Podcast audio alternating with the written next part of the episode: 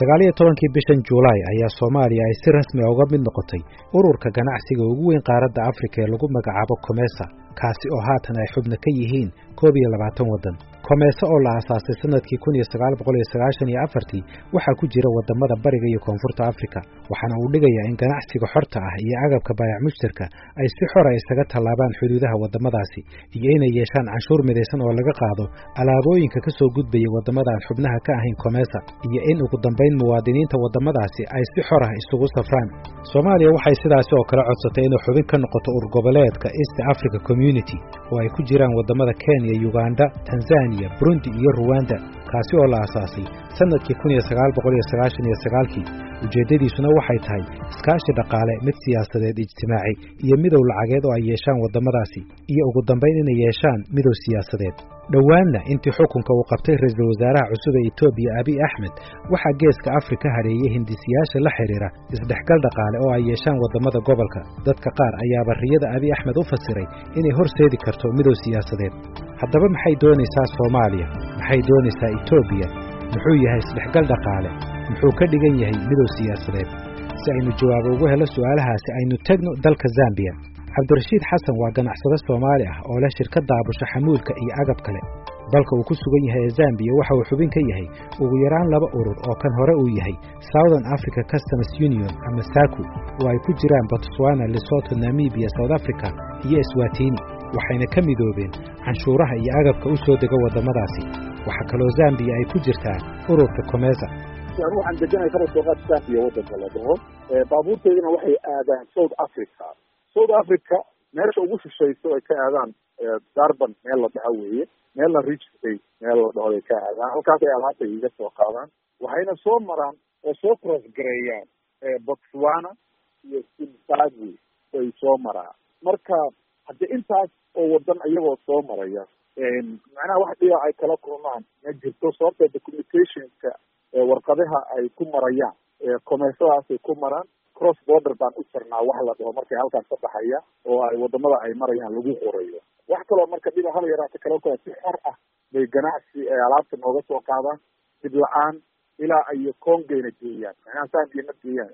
Zambiya yimaadaan kabacdi waa ka sii gudbaan congay u gudbaan oo alaabta. Marka dee waad garan kartaa from south africa iyo central africa oo dhan la soo dhex marayo ilaa congo alaab la geenayo marka dekeda south africa ku taala markay wax ka soo degaan muxuu yahay waajibaadka kaa saaran dekedaas deked anaga horta inta badan xagga south africa kalama soo degno dekedahan kala soo degna naribiya wey hadda anaga wadanka sanbialbo deked ma laba meelood baa noo furan marka inaan kala soo degno tanzania oo laba kun oo kilomitr noo jida iyo naribiya meel la dhaho naribiya deked ku taala oo waltis bay la dhaho labadaa dekedood baa deked noogu dhow mid kastaba laba kun kilomitr markaan kala soo degno alaab oo u soo socota halkaas waxaa laga qaadaya wax la dhaho port charge only shaqadaa ay kuu qabanayaan dekeda dhexdeeda wax kuu dejinayaan si ah unbay kaa qaadayan wax kale kaa qaadi maayo inta wadana ay soo socotana cid kula hadlaysa ma laha. Marka soomaaliya maad kula talin lahayd inay midow dhaqaale la yeelato waddamada ay isku dhow yihiin? Midowgu khasaare ma keeno. Haddaan la khaldin. Sababtoa dee shaqu abuuraya waxaa dhici karta inay cid kaaga badato faa'iidada waxaana kaaga badanaya qofkii kaa horumarsan oo industrial leh oo warshada leh. Haddaa adigu tahay consume keliya qof la siiyo keliya de aan waxba macnaha aan iib geyn de waxaad noqonaysaa nin lacagta laga aruursado keliya. Waa gartay. Isagu marka soomaaliyana dee hadda waxaan umalaynayaa waa garan kadhaa dalkeenu dee dal soddon sano diinsanaa oo burbursanaayo oo weli aan amni rasmiya haysan siyaasadiisuna aysan deganayn weeye. Marka umalayn mayo hadeertaa haddii la dhaho soomaaliya hala midooda etoobiya ya waana laka faa'iidaya anu waxba ka faa'iideyn sidee sidee looga faa'iidayaa wax yar sharax taas waxaa looga faa'iidayaa waxa weeye dee etoobiya oo wadan soddonka sano aan burbursanayn soddon sano dhismayay dhinac kasta aqoon ahaan iyo siyaasad ahaan iyo iyo industriyaal ahaanba marka weli kaa badan yihiin oo dadlaysko boqol milyan annaguna dadkaa dhowr iyo tobanka lagu qiyaaso shan iyo tobanka milyan baana oo kala xiran marka hadde waxaan anigu etoobiya u ideynayo haddaan hore kale u ideynayaa hadda ma hayo laga yaabe in haddii mustaqbal dee badda la dhaho industrialka badda haddii la xoojiyo in la kalluun baa loo eedeynaya la dhici kara laakiin wax kaloo aan oran karo etoobiya loo ano ma garan marka de taasaa keenaysa inaan anagu nalaka faa'iidayayaan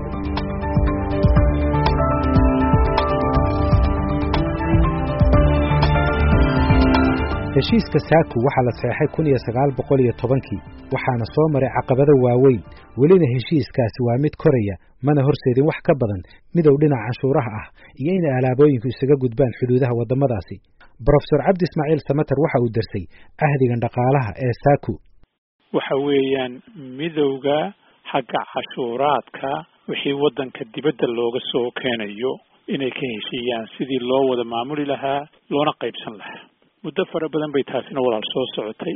Markay soo socotay waatii dee waynu garanaynaa koonfur africa midabta koor baa iyo isticmaar baa haysan jiray.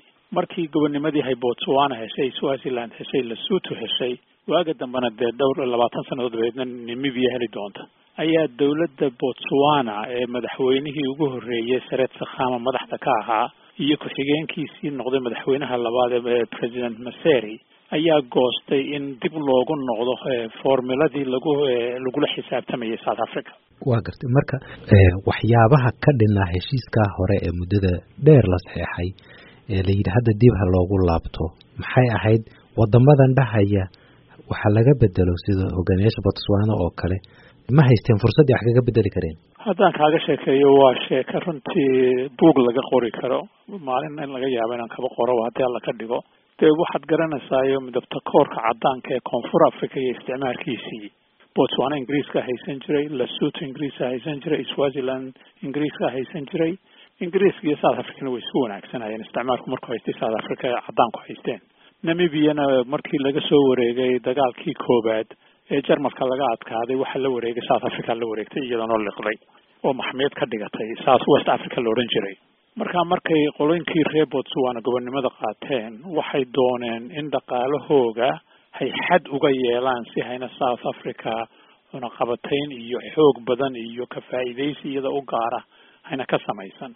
Markaa ninka madaxweyne ku-xigeenka masayri la odhan jiray markii dambe madaxweynaha noqon doona ee runtii dhisay muddadii labaatanka iyo jarjarka sannadood ahaayo maamulka hayay waddanka arkaantiisa dhaqaale iyo dimuqraadiyadeed dhisay. Oo maanta adduunka oo dhan laga ictiraafsan yahay inay yihiin dimuqraadiyaddii iyo dhaqaalihii ugu roonaa africa muddadii ilaa isticmaalka intii laga soo gudbay. Markaa maseri wuxuu sameeyey walaal inuu tiam buu samaystay ama kutlad buu samaystay khubaro ah. Khubaradii ayaa daristay.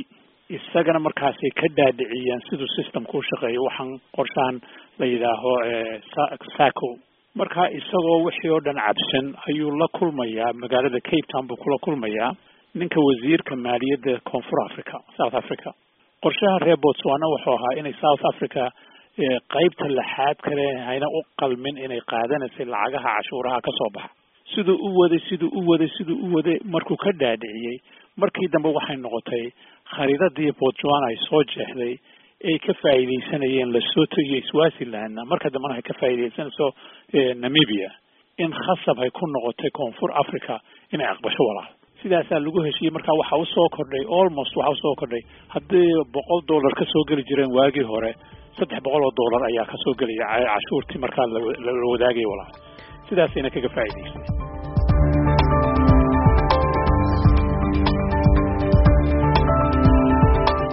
Beesha bariga africa east african community e a c waxay doonaysaa inay qaab dhismeedkeeda u ekaysiiso kan midooda yurub inkastoo haatan ay ku eg tahay heer goboleed oo aysan weli gaarin heer qaaradeed sida midooda yurub. Haddii ay midho dhashana waxay la mid noqon kartaa in la sameeyo waddamo isku lacag ah isku baasaboor ah ka midaysan dhinaca siyaasadda ama uu ka dhexeeyo nidaam federaal ah sida baarlamaanka yurub oo kale. Taasina waxay noqon kartaa wax wanaagsan hase yeeshee inta aan heerkaasi la gaarin waxaa soo baxaya muran u dhexeeya waddamada ku jira sida kenya iyo tanzaniya oo isweydaarsada boqolkiiba afartan iyo shan ganacsiga ururkaasi. Waxaa labada dowladood ay marar badan isku khilaafaan turjumaadda shuruucda lagu maamulayo badeecadaha isaga tallaabaya labada waddan. Murankii ugu dambeeyey oo dhacay sanadkan waxa uu ka yimid khidmadaha badeecadaha laga qaadayo gaar ahaan goobaha xuduudaha ay isaga gudbayaan iyo inaan waddanba waddanka kala siinin qaybtii uu ku lahaa lacagaha la aruuriyey iyo in shirkadaha wax kala ganacsada ee labada waddan ay kala leeyihiin ay iskala daaheen lacagihii ay isku lahaayeen. Kadib markii qaarkood ay soo food saartay dhibaatooyin dhinaca lacagta ah iyo muran ku saabsan khidmadaha aan canshuurta ahayn ee la qaado. Brofesor cabdi ismaaciil samater waxa uu leeyahay caqabadaha haysta e a c waa kuwo qoto dheer oo taariikhi ah. Walaal ururkaas wuxuu ku bilaabmay markii u horreysay ee isticmaalku haysteen kenya ingiriiska haystay uganda ingiriiska haystay tanzania ama tankanika la odhan jiray iyo zanzibar ingiriiska haystay saddexdoodaba ama afartoodaba haddii zanzibar waddan gooniya marka ay ahayd. Marka odaygii naireri ee madaxweynihii ugu horreeyey muddada badan ilaa soddon sannadood oo dhow dhow hayay madaxnimada waddankaasi oo runtii afrikana magaca weyn ku leh ayaa la kulmay kenyatta wiilka haddeer jooga aabihii oo markaa isaguna doonaya inuu madaxweyne ka noqdo kenya waa intayna gobonnimada saddexdooduba qaadan. Iyo wuxuu la kulmay obote milton obote oo markaa isaguna ninka hogaamiyaha ee gobonnimo doonka waddanka uganda ah. Marka wuxuu ku yidhi naireri baa ku odhanaya waar saddexdeennan waddan sawaaxili intooda badan waan ku wada hadalnaa. Waxaan ku wada hadalnaa oo kale waxa weeyaan af ingiriis waynu ku wada hadalnaa. Maamulku waa isku wada mido waa isticmaalka ingiriiska ayna wada haystay. Haynu ka dhigno waddan qura oo midooba oo madaxweyne qura leh oo caasimad qura leh oo dhaqaale qura leh han ka wada dhigano waayo halkaasaynu ka bilaabi karnaa afrika dib u dhiskeega inaku inaynaan hoos isku sii qaybin. Markaa iminka han ka tashano odayga kenyatta wuu ka cagajiiday markii dambe wuxuu yidhi markaynu gobonnimada qaadano ayaynu isku darsan doonaa taa dib inoogu dhig nairerio nairerina wuxuu yidhi ma dhici doonte waad arki doontaa master kenyatta. Markaa wuxuu ka baxsanayay wuxuu yidhi naireri wuxuu yidhi mid mid walba markuu madax meel ka noqdo meeshaasu ku dhigi doonaa ku dhegi doonaa oo laga furfuri kari maayo kenyattana markii ta arrintaasi dhacday ee gobonnimo saddexdii waddanba qaateen wuxuu isku dayay ha la bilaabo dhaqaalaha sayladii dhaqaalehe ee afrikada bari east african common market ha la bilaabe laakiinse inay halbowlaha kenya u noqoto waayo kenya horumar badan ayuu isticmaalku ka sameeyo xagga beeraha xagga warshadaha iyo waxa kale. Markaa naireri iyo oboto waxay ka baqdeen inay dhaqaalahaba kenya muudsato dhammaantiiba marka waxay yidhahdeen meesla maaha waa in xarfadda iyo formilada waa in la bedelaa khariidada waa in la bedelaa qaacidada waa in la bedelaa kenyatta wuu ku diiday markaasi. Marka labadoodii waxay arkeen inuu kenyatta danaysanayo doonayo inuu wadamadooda hay u noqdaan isaga dabadhilif halkii bayna ku burburtay sayladii ugu horreysay ee afrikada bari ee east african common market. Dhowaan ayaa dib loo soo nooleeyey muddooyin laga shaqaynayay marka waxa weeyaan weli waa la isku haystaa. Kenya uganda maalinta waxa la isku haystay. Xoolo laga soo keenay oo beeralaydu ay keeneen oo mudho ah oo kenya loo dhoofinayo tanzania laga keenayo ayay kenyaanku hor joogsadeen. Marka weli xurguftaasi way dhaxaysaa laakiinse badeecad fara badanna way u kala dhexaysaa waddamada wax weyn se iskuma darsan lagamana wada hadlin siyaasad lagu midoobayo walaal iyo lacag lagu midoobayo.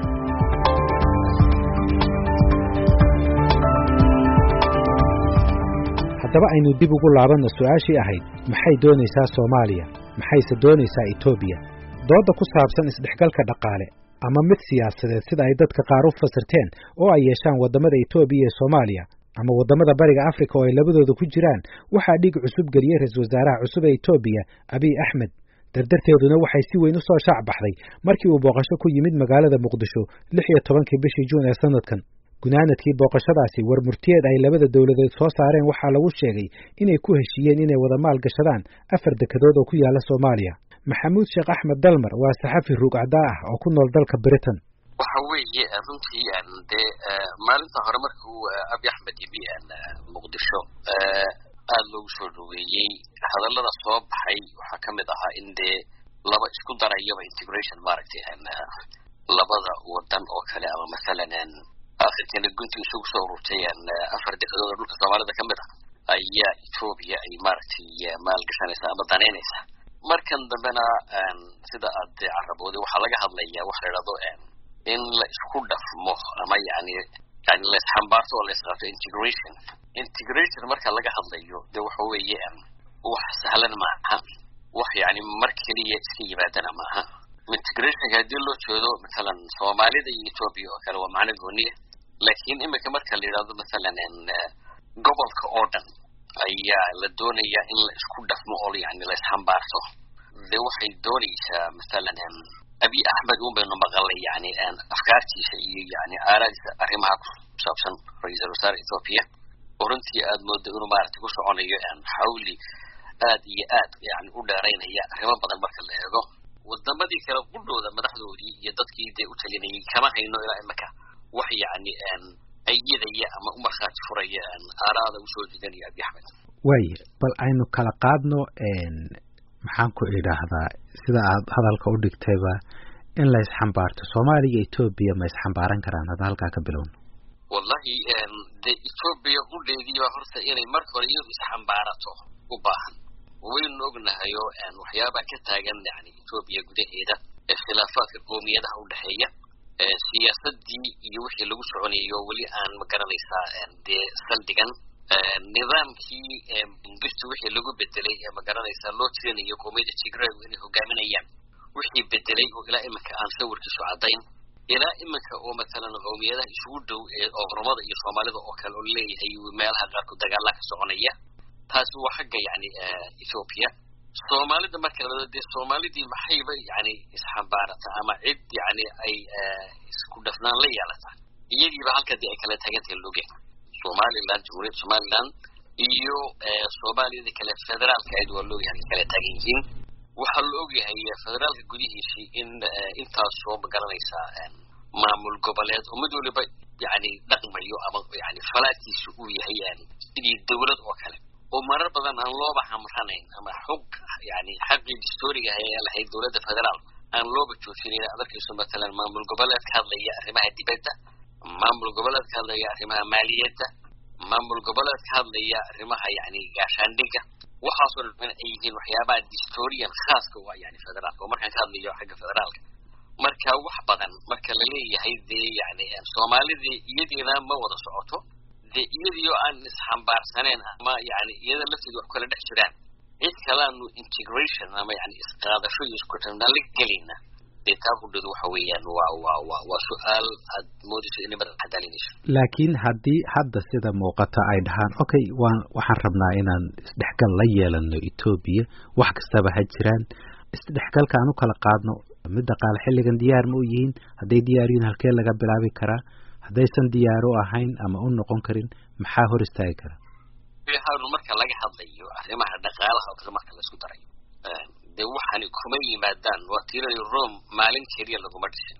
Yani waxaan afka laga leeyahay iyo himilada matalan abi axmed u muuqata na waa meel. Waaqica dhulkii yaalla iyo wixii suuragelayaana waa meel. Masalan ururada ama yani baawarada awoodo yani dawladaha waaweyn ee yeeshay yani isku dhafnaan ama isxambaarasho caynkaas waxa ugu caansan duniduna ay aada u taqaanaa european union midooda yurub siduu ku bilowda waa la garanaya. Meel hoose oo yar baa laga bilaabay. Dhowr wadan oo talyaaniga iyo faransiiska iyo jarmalka iyo ay ka mid yihiin belgium iyo ayaa waxaa la yidhi birta iyo dhuxusha aan ku heshiino. Bir iyo dhuxul baa waxaana ku bilowday. Maantana halka uu maraya waa la garanaya marka durba laga bilaabo maxaan oraday dekedo iyo maxaan oraday dhaqaale iyo waxbaa lays waad arkaysaa wax yani gun adag le inaanu ahayn ta labaad xambaarashada ama integrationka yani dhaqaale. Dee waxa uu doonayaa waxa la idhahdo degenaansho ama istiqraar yani siyaasiya political stability. Taasina gobolka oo dhan baad moodaa inay marka dee laga reebo jabuuti oo kale oo maaragtay urursan yani way adag tahay maaragtay in dee lagu tilmaamo yani degenaansho xagga siyaasadda baa jira matalan soomaalida koonfurta oo kale ama masalan etoobiya lafteeda waxaana markaa haddii la leeyahay warnimayo yani himiladeena muddada soo socotaa waa inay sidaa noqotaana waa meel laakiin wax maanta bilaabmi karaya oo la leeyahay dhaqaalahaan isku daro dhaqaalaha lay la isku daraya me xaggee laga bilaabaya waxa weeyaan wadooyin ma jiraan waxa weeyaan afartan konton sannadood wax u baahan inay soo dhismaan. Markaa kadib baa la odhan karaa waa la isxambaartay ama integration baa dhacay ama badhe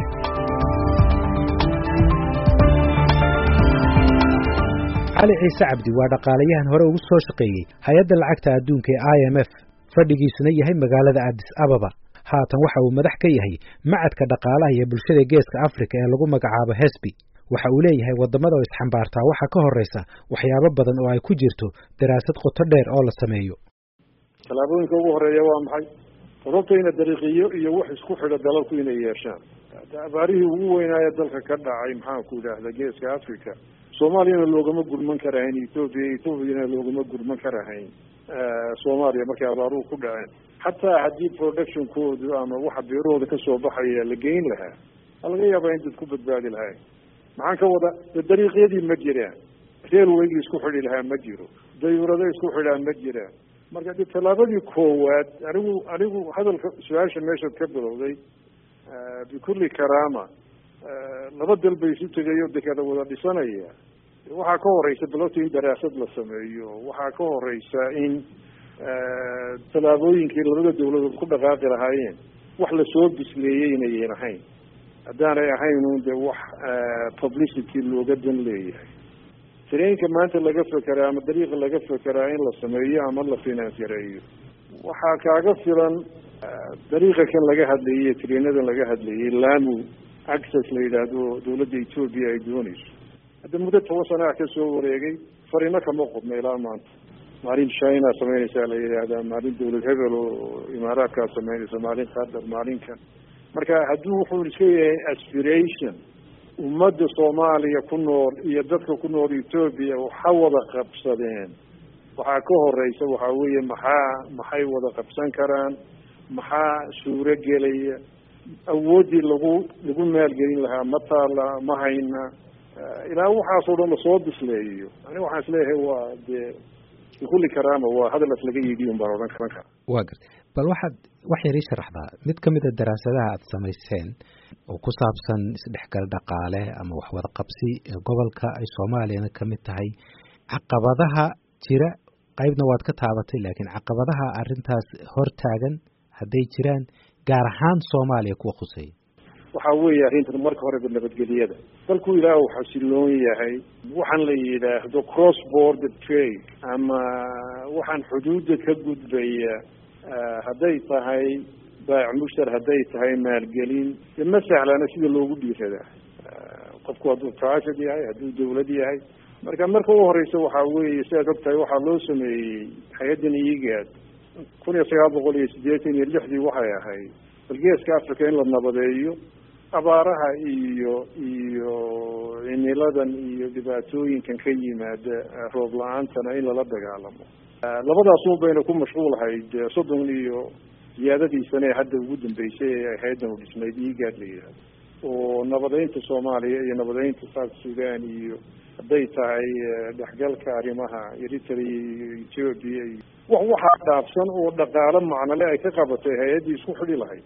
Maba jirto qodobka labaad ee hortaagani waxaa weeye dalalkaan ka hadlayna aan hadda aad carabka ku dhufato ethoopia iyo soomaaliya midna male dhaqaale uu iskiisa ugu filan yahay inuu investmentka laga hadlayo keligii suurtogeliyo budgetka ethiopian international communityga kaaba kii soomaaliyana waxa dadka ku nool yahayba lagu quudaaba waxoogaaga banaanka ka imanaya marka midkoodna ma awoodo mega project wax la yidhaahdo inuu maalgeliyo ama maal gashado keligii. Ethoopia way isku daday way ku dadaashay. Labaatankii sane haddayna dhaafay. Laakiin de waxa asbaabta keenaya marka laga gudbayo xad laga gudbayo waa in labada dalba nabadoon yihiin.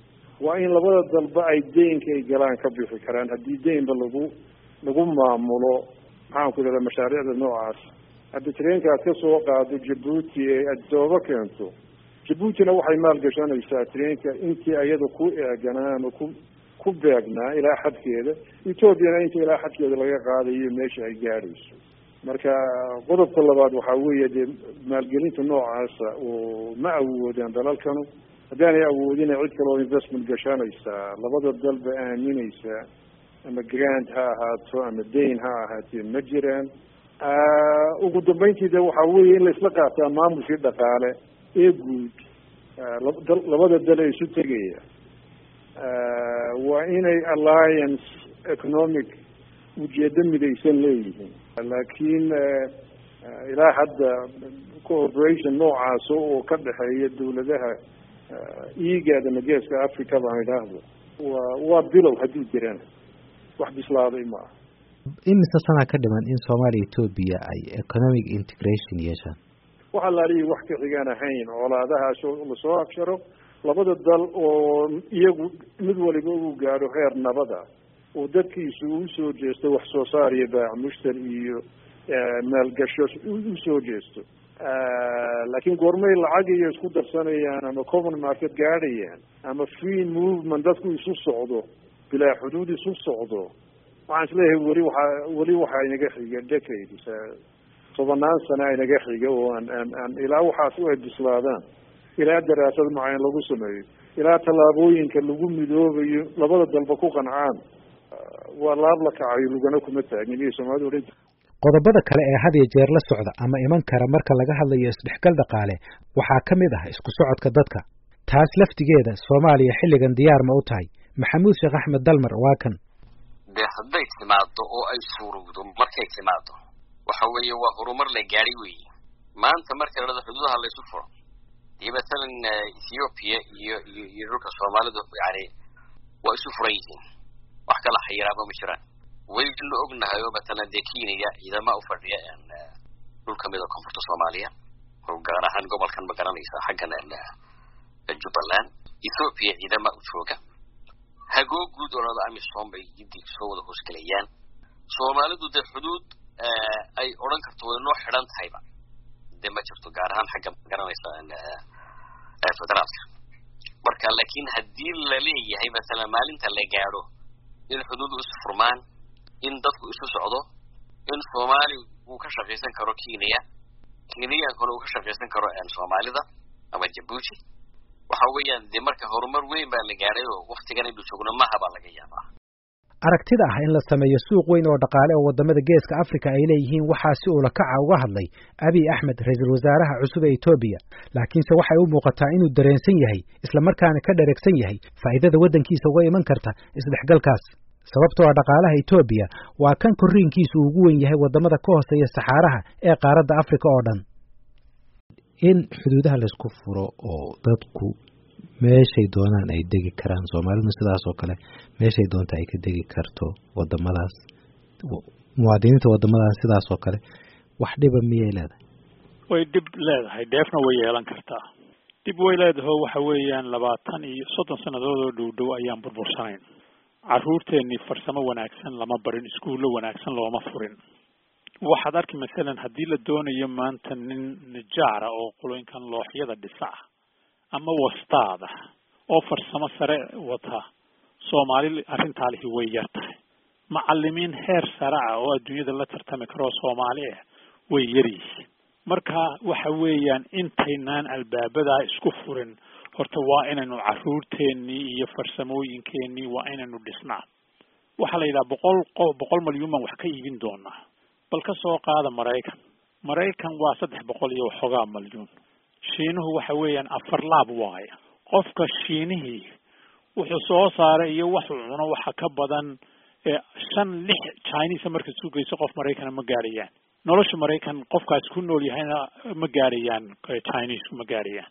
Marka be barakadu meeshay ku jirto tiro badnaanun maaha. Tiro yar waafiya oo dhuux adag oo farsamo leh dee wataa israa'iiliyiinta iyo carabta bal isku eg lix malyuun oo israa'iiliyiina ayaa carab oo dhan wereeriyey marka haddii la doonayo in wax laysku darsado laysku furo horta waa inaynu hubinaa inay dadkeenu tartankaa ka qaybgeli karaan oy u diyaarsan yihiin. Farsamo ahaan. Haddayna farsamo ahaan u diyaarsanayn nistaad kastaba wuxuu noqon doonaa ethoobian ama kenyan nijaar kasta caynkaasuu noqon doonaa electronic kastaba ninkaasuu noqon doonaa dadkeenii waxay noqon doonaan baagamuudo ayay noqon doonaan iyo qarfaystayaal in yar mooyaane.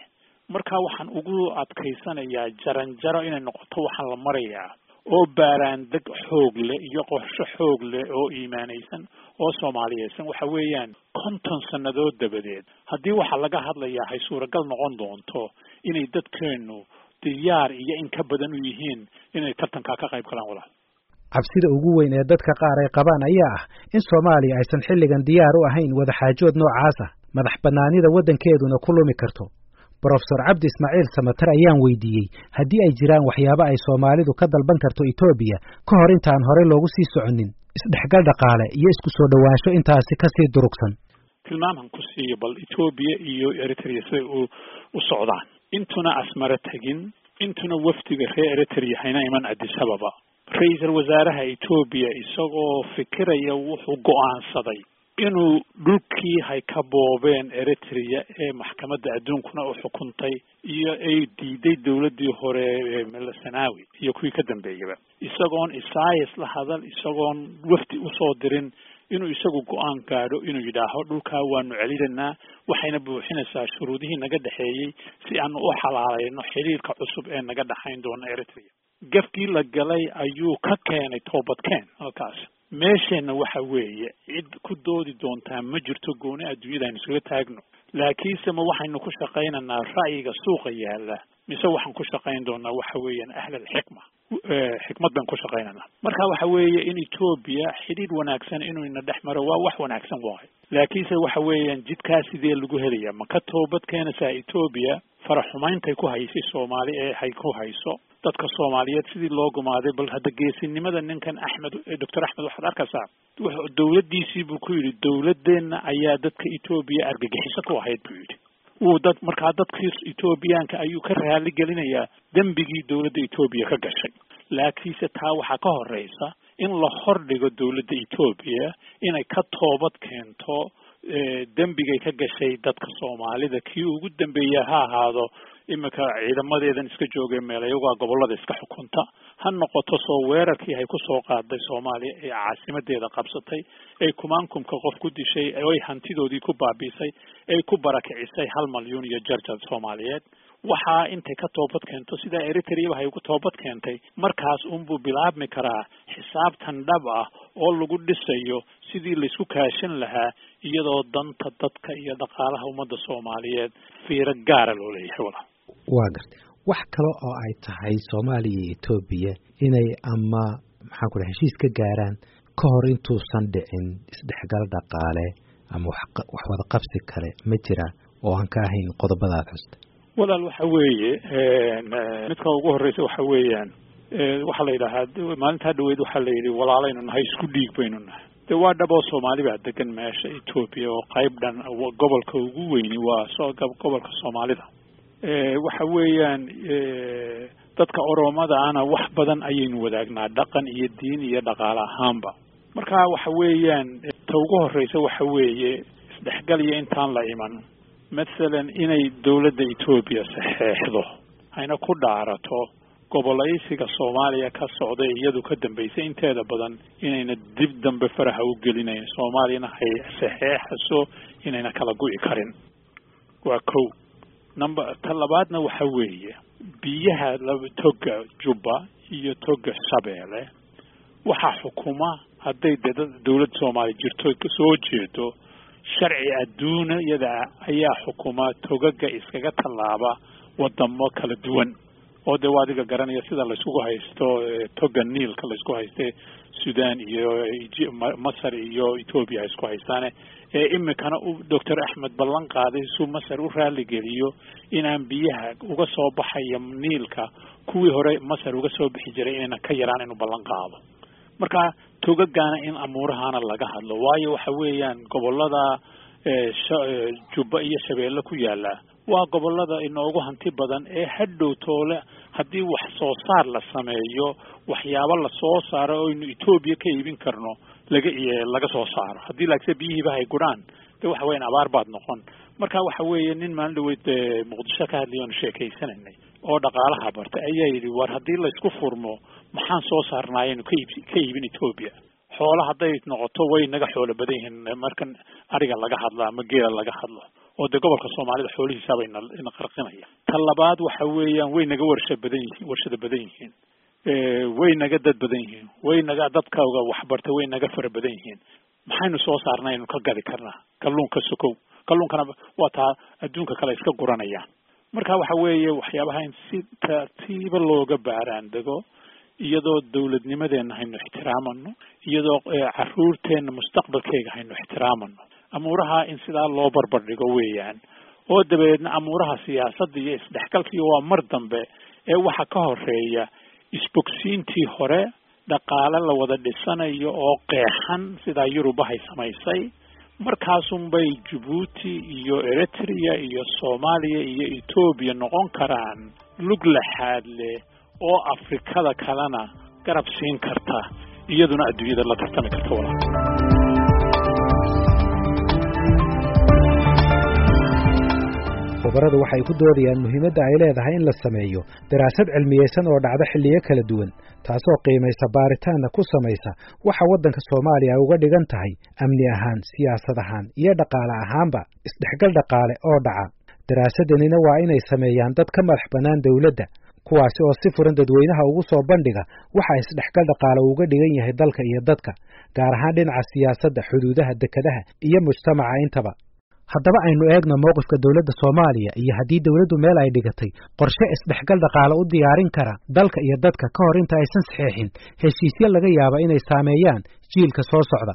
Wasiirka arrimaha dibadda ee soomaaliya axmed ciise cawad ayaan hor dhigay waxa ay labada waddan doonayaan inay iska kaashadaan horta waxa ay doonayaan communikegii waxbaa lagaga tilmaamay kumana jirin midnimo siyaasadeed.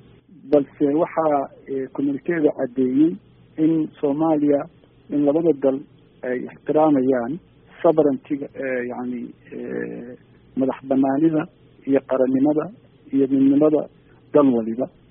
Taas way ku caddayd maaragtay maxaa la yihahdaa warmurtiyeedkii marka qorshe soomaaliyeed oo ah dalka hadda lagu darsanayo ma jiro. Waa waa riyo iyo dad aan maaragtay waxaa ka hadlaya aan fahamsanayn adduunku siduu u shaqeeyo. Run ahaantii soomaaliya waxay dooneysaa inay la saan qaado maxaa la yihahdaa dhaqdhaqaaqa iskaashiga dunida. Waxaa la yihahda economic integration ayaan raadinaynaa oo oo regionka oo dhan ah oona dhex mara annaga iyo kenya annaga iyo ethoopia annaga iyo jabuuti annaga iyo sudan. Africa oo dhan baa baa baa isu furan oo xuduudiyada isu isu furmayaan oo kiigsanaysa laba kun iyo lixdan iyo saddex inay gaarto africa oo dhan in hal basaboor lagu maro in dhaqaaluhu suuqu isu furaado. Ummadda soomaaliyeed oo ilaa iyo maanta ka ganacsanaysa ganacsiga xoogan kule inta udhaxaysa kenya iyo south africa ayayna u sahlaysaa inay baamushtarkooda meel kasta oo dunida ah ay u dhib yaraato inay inay ka howlgalaan. Dalka soomaaliya dadka joogana isaguna wuxuu helayaa in uu soo jiito dalku maalgashi dalalka adduunka oo dhan ah. Marka dowladdan hadda jirtay wasiirka arrimaha dowladda u tahay waxaad leedahay haba yaraatee wax midow siyaasadeeda oo ay saxeexi doonto ma jirto waddan la gelayso ama wadamo badan? Ha waa waa ku kalsoonahay inaan taas ku yidhaahdo soomaaliya. Ilaa iyo hadda waa dowlad madax banaan sideedana arrimaha qaarkood xukuumad ma saxiixi karto maamul ma saxiixi karto. Waxyaabaha qaarkood waxay u baahan yihiin waa waxyaabo dhaafsiisan maamul markaa jooga oo u baahan sida constitutionska oo kaleeto u baahan afti dadka laga qaado marka meeshaas lama joogo hadda inagu waxaynu joognaa keliya in qofka soomaaliga socdaali karo dalalkaas diisala-aan ku tegi karo in uu maaragtay maxaa la yidhahdaa daacmushtar ka samaysno soomaalida oo ah dad tiro yar waxa ay dhacaan gobol ay waddamada badankoodu ka tiro badan yihiin islamarkaana ka aqoon badan yihiin sidoo kale waxaa dad badan oo soomaali ah ay in muddo ahaba ka shaki qabeen iskaashi lala yeesho dowladda etoobiya gaar ahaan marka ay noqoto dhinaca dhulka maadaama labada waddan ay hore u soo dhex martay colaado ku salaysan muran dhuleed. Wasiirka arrimaha dibadda axmed ciise cawad ayaan weydiiyey waxa uu kaga jawaabi lahaa cabsida ay qabaan dadka soomaalida qaarkood. Horta walaalow markaynu idhaahno dadku waxay ka cabsanayaan waa inaynu nidhaahna yaa cabsanaya yaa cod ka soo qaaday dadka inta cabsanaysa tiradooda intee weeye intaan balagelin horta waxay ka cabsanayaan arrintan ah assumptionka ama go'aanka gaadhida in dad cabsanayaan ayaa u ayaa u baahan. Laba qof oo oo iyagu maaragtay maxaa la yahdaa waxa waddanka jira aan ka waxaynin. Qaar hadday raba ay ka mid tahay ay ka ka tahay maaragtay maxaa la yahdaa mucaarad siyaasadeed. Oo laga yaabo hadda iyagu maanta meesha joogi lahaayeen inay the same barnaamijkaa mid la mid ah ay raalli ka ahaan lahaayeen sida aynu taariikhda ku ognahay iyo dad kaleeto oo aan xogta maaragtay sida dhabtaa u haynin sida haddaan kuu sheegayay dad loo sheegay in matalan heshiis dhacay in la midoobayo oo waxa jira aan ahayn kuwaas horta kama dhigi karo base aan ka duulo dadka soomaaliyeed baa saas qaba taas horta waa waa mid midda labaad. Haddiiba aan su'aashaada isku daya inaan inaan ka jawaabo hypothetically waxa weeyaan horta dad ina ku soo duulayaa ma jirto. Iyo dad ina ina daad ina ina qaadayo dad ina ka badantoona hadda waktiyo badan oo aynu ka tabardarayn baa jirtay. Hadda dawlad baynuga leenahay waxaynu rajeyneynaa inaan sii xoogsano xuduudaheena kontaroolo laakiin wakti inaa waxaa sameynayna hadda mar dhawa aniga kuu sheegayo innaga inooma fara inaynu etoobiya kenya iska galno laakiin etoobiya kenya markay rabaan bay soomaaliya soo geli kareen haddana wax daad ina ku qaaday daad ina qaaday oo dad ah ku soo yaacaya ma jirto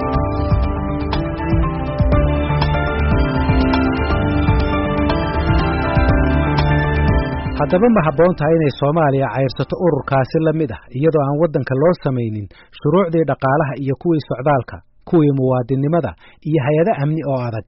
Sidee ayay soomaaliya ku sugi kartaa amniga badeecadda iyo dadka soo gelaya haddii aysan sugnayn xuduudaheedu? Haddiise xuduudaha laysku furo sidee ayuu noqon karaa xaalka waddan la mid ah soomaaliya oo ay ku nool yihiin toban milyan oo qof? Hareeraha intiisa badanna ay ka xigaan waddamo ka dad dhaqaale iyo aqoon badan